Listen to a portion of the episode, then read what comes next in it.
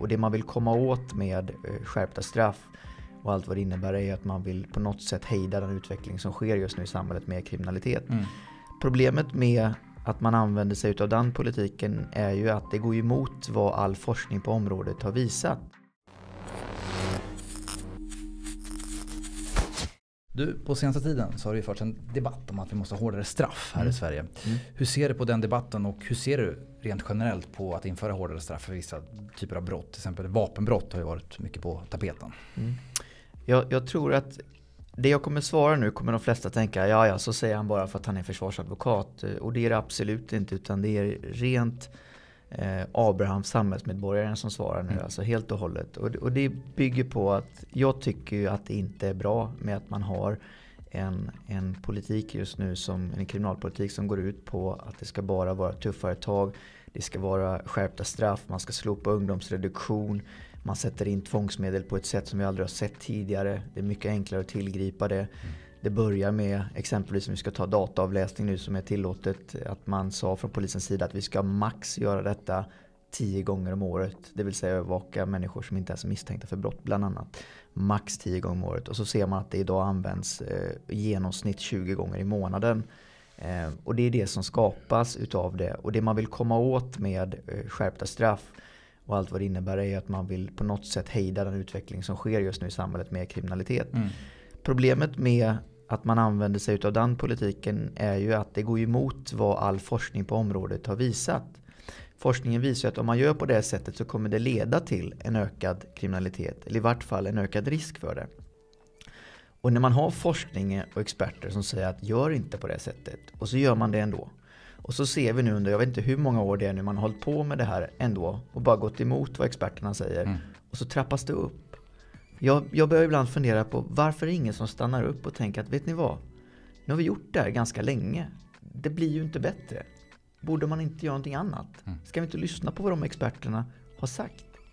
Eller är det som så att populismen ska gå före här? Att Jo men vi vinner ju inte valet annars. Är det det som är anledningen? Mm. Jag vet inte. Jag tror att det finns en god tanke i det. Men det blir fel. Mm. Men hur ser du på, på våra straffnivåer då, om man säger så? Vi har mycket, mycket straffskalor i Sverige som ligger på alldeles för höga nivåer än vad brottet bör representera.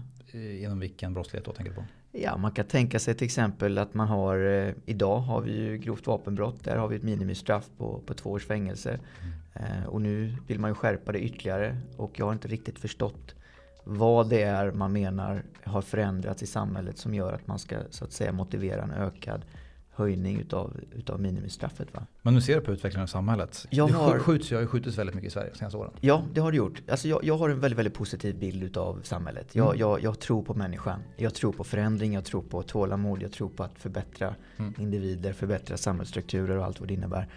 Eh, men man har en situation idag där många, jag tror, känner sig utanför. Mm. Jag tänker ibland på, på min uppväxt. Alltså jag, jag växte upp i, i, i Lidköping, ett litet tryggt område. Jätte, jättebra föräldrar, en fantastisk eh, kompiskrets. Mm. Eh, låter fel att säga kanske, men, men jag var toppelev. Hade högsta betyg i allt. Jag var jätteduktig i idrott. Du kom in på juristprogrammet, så klart du har bra betyg. och jag var jätteduktig i idrott. Eh, figurerade väldigt mycket i media även när jag var ung i mm. form av eh, idrottsprestationer. Eh, var med i hela den svängen så att säga. Eh, och man kanske skulle kunna uttrycka det i termen då att jag hade allt jag behövde för att må bra. Mm. Och jag kunde ändå känna mig utanför. Eh, vilket gjorde att det blev lite jobbigt ibland. Men jag hade ändå det stödet hela tiden som gjorde att jag, jag pushades i rätt riktning. Va? Mm. Och gjorde att jag hamnade rätt. Mm. Men jag tänker att om jag kunde känna på det sättet när jag hade allt. Så tänker jag, hur tror man inte då att ungdomar, killar och tjejer, unga killar och tjejer som inte har det kanske växer upp i ett område där man inte har eh, föräldrar som kan stötta upp en i allting, som inte har skolor som kan ställa upp i allting, som inte har idrotten, som inte mm. har betygen, som inte har någonting. Mm. Och om man då växer upp i den miljön och ser också saker man inte kan få. Eh, jag, jag, tror att det skapar en, en, känsla av att vara utanför som lättare leder till att man halkar in på en kriminell bana. Va? Mm. Och, och, det är synd. Och det ska inte behöva vara så. Och tyvärr känner jag lite grann att just det här med att man ska straffa hårdare också.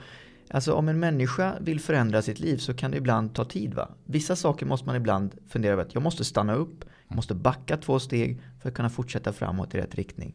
Och om jag vill påbörja en förändringsprocess och jag i den förändringsprocessen under den tiden gör fel. Det är klart att man från samhällets sida måste markera att det här accepteras inte. Mm. Men om man vänder ryggen till och ger kalla handen. Och säger du är inte välkommen här mer för du har gjort fel. Vad kommer man att göra då? Jo, då går man ju tillbaka till de som tar emot en med öppna armar. Mm. Det vill säga den miljön som gjorde att du gjorde fel från första början. Och då spinner du ju bara vidare på det. Och då har du helt plötsligt en individ som går förlorad istället för att man fångar upp. Så jag tror man måste jobba mer med de bitarna för att lösa problemet. Mm. Precis, komma åt alltså, i ganska tidig ålder. Helt Verkligen. Ja. Jag var inne och kikade på din, eh, din Instagram mm. Eh, och eh, jag förstår att du åker ut på helger ibland och besöker sådana så kallade SIS-hem mm. runt om i Sverige. Alltså ja. hem för unga brottslingar som döms. Du gör det på din fritid helt enkelt. Så är det. Varför gör du det? För jag, jag, vill att de ska kunna känna att, att de inte är bortglömda. Jag vill att de ska känna att de inte är institutionsbarn utan det är människor. Och det är ungdomar, det är barn. Mm. Jag vill att de ska känna att, att vet du vad, du är också bra. Det finns en annan väg för dig. Du ska inte behöva vara här. Liksom ta chansen till en förändring. Och jag vill att de ska kunna känna att, vet du vad, om den här killen kommer till mig nu när han inte behöver, när han inte så att säga gör något roligare på helgen, att han ändå känner att jag kommer hit för att sitta och prata med dig om livet, skoja, ta en kaffe och skämta. Då kanske det finns andra människor som även bryr sig om mig och, och som inte jag kanske har träffat ännu. Så att man liksom vill bryta ett visst mönster. Och jag tror att, att, jag tror att det uppskattas. Så att jag vill gärna visa dem att det finns valmöjligheter. Mm. Alltså frihet är valmöjligheter. Mm. Och när man inte ser någon annan valmöjlighet än kanske en kriminell bana så, så, så kommer man aldrig vara fri. Känns det som att de tar åt dig där du, där du säger till dem? Ja, alltså ett exempel som, som, jag, som, jag, gjort, eh, som jag började göra faktiskt förra året. Mm. Det var att eh, vi, vi åker ju, jag och Björn, det var Björn som lärde mig detta. Det var att på, på julafton och alla högtider egentligen, men framförallt julafton, så åker man och besöker sina häktade klienter. Så att man liksom önskar dem god jul och den känslan av att jag är här för dig även på julafton. Mm. Eh, men det jag gjorde är att jag hinner inte ta eh, alla som är på SIS och alla som är på häktet på julafton. Så det jag har gjort är att antingen på juldagen eller den 23 så åker jag ut till SIS, eh, de killar och tjejer som jag har på SIS. Och så tar jag med mig min eh, mobiltelefon eh, och Swish appen och så säger jag till dem att idag får du önska dig en, en, en julklapp som du ska ge till någon. Mm. Och då blir de helt så här, vad, vad menar du egentligen? Och då säger jag så här, jo men vet du vad? Och det är just den här känslan att de ska också känna att du är faktiskt ja, ja, någon. Va? Liksom kunna ge en julklapp och då får de välja en organisation. Alltså om det är Barncancerfonden eller om det är Bröstcancerfonden, vad det nu kan vara. Så att de också får ge dem det arvode jag, jag tjänar på den dagen. Eller om det är från min, min, min privata ekonomi så att säga. Det är från mina pengar. Och så, så, så, får de välja en present och så får de skriva en, en text i Swish-hälsningen helt enkelt. Ja. Från ja, NN till ja. Ja, ja, Jag vet senast vi träffades och spelade mm. in den här filmen så mm. berättade om att eh, det är liksom överfullt på våra fängelser ute i landet. Så är det. Det är liksom over the alltså ja. smärtgränsen. Ja, det är överbelastat. Ja. Alltså det, är, det är dubbelbeläggningar på häktena. Mm. Det är mm. dubbelbeläggningar på arresten numera. Mm. Det, är, det är på en nivå när man pratar med arrestpersonal och med häktespersonal. Man, man lär ju känna varandra lite grann så va. Så man står och tjötar lite vid inpasseringskontrollen och sånt. Och då, de säger alltid att alltså det, det här går inte. Mm. Det vad, kan, vad kan man göra åt det då tror du? Bygga fler fängelser? Eller? Jag vet inte. Jag, man, man bör nog hitta ett sätt. För jag tror också att alltså, de som ska sitta på anstalt ska ju sitta på anstalt. Så är ja. det ju. Det tror jag vi alla kan vara överens om. Mm. Men jag tror det finns vissa situationer man kanske kan lösa det på, på annat sätt. Va? Mm. Eh, vad man ska riktigt hitta på, det, det får politikerna eh, fundera över. Men, men att man hamnar i ett läge där man har överbefulla fängelser och det beror ju också kanske på straffskalor med mera. Eh, där det kostar staten och samhället så extremt mycket pengar. Mm, mm. Eh, jag vet inte hur man ska lösa det men jag tror lite grann att man bör fundera över hur man ska återgå kanske till en behandlingsmodell istället för en straffande modell. Vi slänger oss in i ett eh, förhör, mm. ett polisförhör. Mm. Man kan ju hamna där egentligen. Vem, vem som helst mer eller mindre faktiskt. Av olika anledningar. Hur bra är vetskapen där ute om vilka rättigheter man har i den situationen skulle du säga?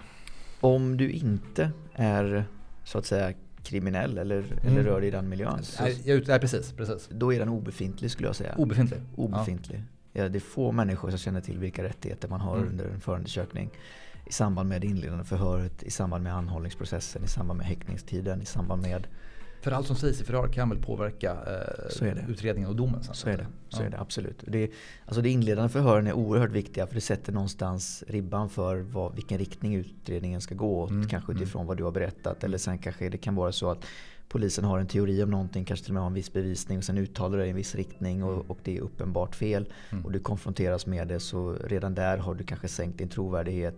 Det. Eh, och det kan också vara en situation där du känner att du förklarar på ett visst sätt och du, vissa kan ju tycka att det är roligt att skoja ibland. Alltså man är nervös va, man drar till med något skämt eller säger något opassande eller mm man, man tjötar lite som vi gör nu mm. utanför mm. förhörsrummet. Så tänker man att ja, ja det, det, kan man ju prata lite om. Ja, ja, okay, och, och, så skrivs det ner i PM-format eller det ah, skämtet okay, uppfattas okay. som att du har sagt någonting. Och sen mm. så låter det som att eh, nej men nu, nu efterhandskonstruerar du när du säger att du inte menade det du sa. Så, ja, men, eh, så polisen har hittat på detta menar du? Kommer åklagaren på då? Så, nej men jag säger varför sa du så då? Och sen hamnar du i ett läge där du blir väldigt pressad och du har ingen bra förklaring. Nej, nej, och så kommer domstolen tycka att det låter som att du efterhandskonstruerar här nu. Vad har man för rättigheter då? Eh, du har eh, förundersökningskungörelsen bland annat som mm. talar om eh, att polisen måste i anslutning till förhör redovisa vilka rättigheter du har. Mm. Den viktigaste rättigheten är ju då om du inte är frihetsberövad det är att du har rätt till en försvarare. Du har rätt att, inte, eller du har rätt att tiga. Du har rätt att inte uttala en brottsmisstanken helt enkelt. Det är väl det kanske viktigaste i anslutning till ett polisförhör. Mm. Och att man, tycker jag är ganska viktigt att man också upplyser om att du är inte skyldig att svara på frågor och du kan faktiskt vänta in din advokat. Den enda skyldigheten man har i mm. anslutning till, till ett polisförhör det är när man får en kallelse. Eh, att man blir kallad till förhör, att man måste gå dit. Det är enda skyldigheten man har. Därifrån har du inga skyldigheter gentemot polisen. Polisen kan väldigt snabbt se till att de vill göra vissa åtgärder innan advokaten kommer dit. Till exempel lämna ut din telefon, lämna mm. ut din kod. Eh, den typen av, av, frågor uppstår direkt och sedan så eh, sätter man igång förhöret och så säger man ja ja men vi kan ju börja det här förhöret utan din advokat annars så kanske inte han kan komma eh, och så kanske du får sitta kvar över natten. Och då tänker man men jag vill inte vara här över natten och så börjar man svara på frågor innan advokaten kommer. Va? Så det, det är väldigt, väldigt vanligt. Mm, jag förstår, jag förstår. Tyvärr. Vi var inne på det lite förut men upplever du, det känns som ibland att försvarsadvokater i synnerhet att de jobbar lite i uppförsbacke. Så är det. Eh, dels alltså bevisläget då. Så är det. Eh, som kan vara liksom, tungt. Och sen eh, medierapportering tänker jag. Mm. Upplever att det är så och triggas du av det i så fall? Alltså jag, jag eh, upplever, jag, jag förstår hur du menar. Mm. Alltså jag delar din uppfattning fullt ut. Att det, eller det är inte din uppfattning utan jag, så är det helt ja. enkelt. Det är på det sättet. Jag upplever att det är så. Eh, och det är oerhört svårt vid vissa brottstyper att få med sig media. Alltså många människor har inte läst en dom. De har inte närvarat vid rättegången. De har inte läst förundersökningsprotokollet. De har inte eh, lyssnat på förhören från rättegången efteråt. Va? Mm. Ändå uttalar sig alla utifrån vad som står i kvällspressen. Mm. Och kvällspressen vill ju inte skriva om att eh, nej men han är felaktigt anklagad här nu om det är en allvarlig misstanke. Va? Utan då, då spinner man ju vidare på att prata med experter som ger utlåtanden i den riktning som säljer löpsedlar. Påstår jag nu här. Mm. Eh, och, och, det gör att det skapar en enorm uppförsbacke. Jag vet ju Björn har haft rätt profilerade mål där, mm. där det har cirkulerat i riksmedia i stora, stora, eh, liksom, stora kvällspressar och allt vad det innebär. Och, och, och, debatten seglar lite åt det hållet hela tiden. Va? Mm. Och det som skrämmer mig lite grann är att Björn i samband med ett av de här målen som då var väldigt omskrivna. Det var, det var verkligen på nyheterna 24-7 hela tiden. Mm. Och i samband med det hade han en föreläsning för juristprogrammet. Jag ska inte säga vilket universitet. Men då, då så sa han att sa han så här. Han bara eh, Hur många tror att NN är skyldig? Så räckte alla upp handen. Det var någon som liksom lite tvekade och sådär va. Okej. Hur många har läst förundersökningen? Och så var det ingen som räckte upp handen. Mm. Okej. Hur många har närvarat vid rättegången? Mm. Så var det ingen som eh, räckte upp handen. Hur många hade tänkt att läsa domen? Mm. Ingen räckte upp handen. Hur många har läst kvällspressen? Alla räckte upp handen. Mm. Mm. Och då så sa han det liksom att det, det, alltså det, det är ju skrämmande. Va? För det, det här är ju framtidens domare, åklagare och advokater. Och då hade de dömt en människa egentligen till fängelse utifrån vad som stod i kvällspressen. Så kan de påverkas, ja då, då är det farligt. Va? Ja, Vad har du själv för relation till eh, media? Eh, god skulle jag säga. Ja. Eh, väldigt god, väldigt eh, professionellt. Eh, vissa har man lite starkare band med så att säga. Eh, och eh, så att eh, ja, jag, jag, tycker att jag, vi har en ganska god relation. Mm, mm. Men känner du att du har blivit bränd någon gång som, eh, i rollen som försvarsadvokat? Eh, nej, alltså jag, som sagt jag, jag är väldigt korrekt i, i domstol. Så att det, det är klart att någon gång någon, alltså någon kommer någon gång ha synpunkter på det jag gör och på den jag är. Mm. Så är det ju bara. Men jag förstår att man måste ändå förhålla sig liksom diplomatiskt till media även om du kanske liksom får bita i läppen. Eller kommer få göra det framöver. ja men det är klart, nej, men det är klart alltså jag, jag har ju varit liksom, eh, alltså när man har varit med i typ Riks-TV och stått och debatterat i SVT och sådana bitar så är det klart att det skapar ju Eh, det blir ju ofta ett efterspel men det är ju inte etablerad media utan det är ju liksom sådana här eh, högerextrema sidor som publicerar bilder på mig med namn och mm. skapat flashback-trådar om mig. Twitter fick jag erfara. Eh, det var mm. någon som bad mig titta Twitter så man skulle skapa ett konto där. Jag använde Instagram men inte Twitter då. Och då så fick jag liksom läsa och se de här bilderna på, på, på, på mig då så att säga. Och det är liksom den bilden man vill skapa. Mm. Eh, men, men det är ju ingen i, i seriös media som skulle liksom haka på det spåret, absolut inte. Men hur hanterar du det då? Eh, nej men alltså jag eh, bryr mig inte så mycket faktiskt. Eh, det, det mesta läser man inte utan eh, det, det, liksom, det bara rinner av en. Men eh, däremot så skulle jag gärna vilja att man inte gömde sig kanske bakom anonyma konton och skickar anonyma brev, anonyma mail och sånt. Mm. Att man faktiskt vågade. Säg det till mig så kan jag bjuda in dig på en kopp kaffe. Så kan vi sätta oss ner och prata som jag och du gör nu. Mm. Så får du möjlighet att förklara hur du resonerar så kanske jag får möjlighet att förklara hur jag resonerar. Vi kommer förmodligen inte vara överens om det mesta va? Men, men jag tycker inte att min åsikt är mer värd än någon annans. Va? Och det innebär ju också att jag tycker inte Alltså jag kan tycka att någonting är fel. Mm. Men jag kan aldrig säga att någonting är fel. För jag vill inte påtvinga min åsikt på någon annan. Va? Men, men jag har ju rätt att tycka att något är fel. Och då har jag ju rätt att uttrycka det till dig. Och du kan ju också tycka att något är fel. Mm. Och då har du rätt att uttrycka det till mig. Men du kan inte säga till mig att jag har fel, tycker jag då. Va? För, att, för att varför ska du ha mer rätt än vad jag har?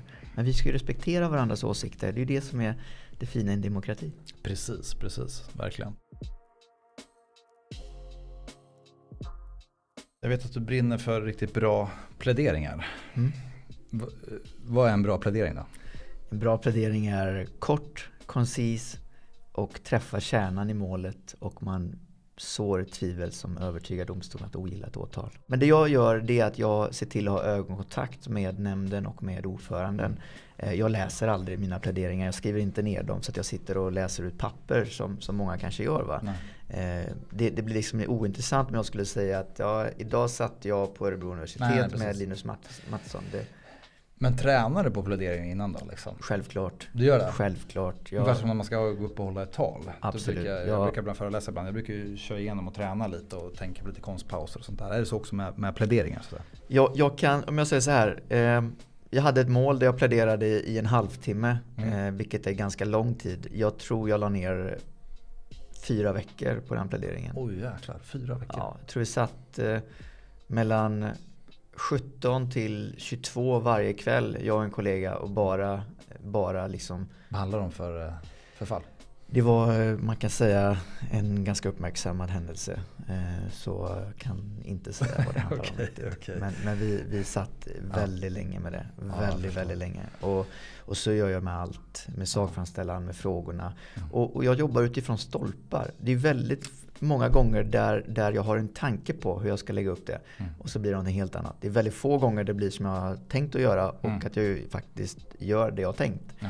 Utan man, man, liksom, man ser till att vara förberedd och skapa den här flexibiliteten det, i att kunna ja, precis, byta spår. Eh, men, men jag lägger ner extremt mycket tid på det. Hur sover du en natt innan en sån plädering då? Då vilar jag. Då vilar jag. Då, ja. då ser jag till att... Ja men sover du bra? Kan du sova? Ja, ja absolut, ja, absolut. Då ser jag till att bryta ganska tidigt på dagen. Mm. Eh, går ut och tränar. Eh, kanske till och med liksom, eh, tar någon, någon liksom, antingen att man kör ett lättare gympass eller en mm. löprunda. När det är en, en, liksom ett större mål och sånt då vill jag inte gymma för då blir man liksom trött dagen efter. Man har lite ont i kroppen. Allt ja, okay, okay. Då rensar jag tankarna och funderar liksom på löprundan. Mm. Och sen slappnar jag av och gör någonting helt annat. Kanske läser Orwell eller något sånt där. Va? Alltså jag gör något helt, helt annat. Okay. Eh, och sedan på morgonen vaknar man i god tid, tar en kopp kaffe, ringer och pratar med Björn. Jag och Björn pratar alltid på morgonen i, i ja, en timme. Mm. Och sen pratar vi alltid under dagen, så pratar vi alltid på eftermiddagen. Och ja. när jag bodde i, i Borås en kort period så tränade vi på kvällarna och sånt. Så diskuterar man lite med honom och, och så. Men, men, just när man har förberett allting så sista dagen där då, då, då släpper man det. Och sen så liksom kollar man sina stolpar på morgonen. Vad tjänar man som försvarsadvokat? I varje podd som jag har tittat på så, och intervjuer så har man alltid en pass. Och så jag säger pass. Nej, men är det inte lite... Hade man varit i ett annat land än Sverige, hade man inte svarat på det då? Tror du? Jag vill använda mig av min rätt att tiga. Kom igen, men du klarar det? Jag klarar Du, dina bästa tips till studenter som vill bli eh, advokater? Eh, mina bästa Eller försvarsadvokater då? Mm. Ja, alltså mina bästa tips till studenter som vill bli försvarare det, det, är att se till att om ni vill bli försvarsadvokater, brinn för det. Mm. Fundera över varför vill jag bli försvarsadvokat? Vem vill jag vara? Varför vill jag vara det? Och är jag den jag vill vara? Mm. Om svaret på de frågorna är japp, det leder till att jag vill bli försvarsadvokat och du har svar på anledningarna till varför då tycker jag att man ska liksom fullfölja den drömmen fullt ut. Det, det är mitt absolut bästa tips. Och var beredd på att det man har lärt sig i skolan, det innehåller ingenting om, om hur man ska vara som försvarsadvokat. Och man ska inte ha en stress över betyg och den typen av, av hets som uppstår på juristprogrammet. Tyvärr så är det mycket så. Va? Eh, jag är själv delägare och managing partner för kontoren i Göteborg och mm. Trollhättan och Uddevalla och driver kontoren tillsammans med, med Björn. Eh, så vi äger det tillsammans. Och kommer aldrig sätta mig med en elev och, eller med en nyexad student och säga kan jag få se dina betyg tack. Utan eh, kontakten med människor är oerhört viktig i det här yrket. Så att slappna av, fundera över de frågorna och liksom ha den där känslan av att jag vill vara försvarsadvokat och om du vet varför så blir det bra. Så mm. slappna av. Om du blickar framåt, liksom, vart är du om 10-20 eh, år? Liksom? Jag skulle vilja öppna en helt egen advokatbyrå. Eh, nej, alltså, alltså om 10 år så är jag fortfarande försvarsadvokat. Det, mm. det, det är jag övertygad om. Om jag inte blir justitieminister. Mm. Eh, men du är seriös? Du är seriös? Ja, jag är seriös när jag säger det. Absolut. Vad har du rent politiskt då? Var står du? Eh, det, det, är det som är grejen. Jag står ingenstans just nu. För jag står inte bakom eh, kriminalpolitiken eh, som är samtliga partier. Mm. Eh, så att eh, just nu... Du hör ni där partierna, bara värva honom. jag står ingenstans just nu. men jag är seriös med det. Jag vill gärna bli justitieminister. Mm. Absolut. men jag tror att det är ett väldigt högt mål mm. som jag har satt. Men absolut. Eller så blir jag domare i hovrätten. Det är också en tanke jag har. Men domare i hovrätten tänker jag i slutet av karriären, kanske sista tio åren. Mm. Eh, men eh, starta egen byrå, eh, det är absolut aldrig lämna advokaterna Hurtig och Partners. Jag, mm. jag har startat Göteborgsavdelningen och Trestadsavdelningen. Så, så jag driver byrån och äger den tillsammans med Björn idag. Så mm. att, och där kommer jag vara om tio år också. Okay. Du, tusen tack Abraham att du ville vara med. Det har varit supertrevligt. Ja. Jag är alltid glad när ni ringer. Det, ja. det är ett förtroende och det gillar jag. Ja. För du är ju, du är ju lite ja, men alumn för Örebro universitet mm. eh, på olika sätt. Det tycker jag är väldigt roligt. Det har ju varit så egentligen sedan 2015. Mm. Eh, programkatalogerna, videon som cirkulerar, eh, Wall of Inspiration. Eh, även när jag pluggade så åkte jag runt eh, på skolor och så. Mm. Eh, och även idag när jag är ute och föreläser så, så försöker man ju så gott man kan göra reklam för Örebro universitet. Och det är inte för att man så att säga är, det är klart man är, man är partisk och subjektiv allt vad det innebär. Mm. Men, men, det är ju för att jag har ju bara positivt att säga om Örebro universitet. Jag, mm. det, alltså den, den utbildningen, den känslan som, som jag fick med mig härifrån, det, det är verkligen bara kärlek. Och kan jag sprida det vidare till någon annan, någon annan får erfara det och uppleva det jag fick uppleva. Så självklart så bidrar man med det. Och det är ett jätteförtroende och hedrande för mig att, att ni känner detsamma om mig, att jag ska få vara den representanten för universitetet.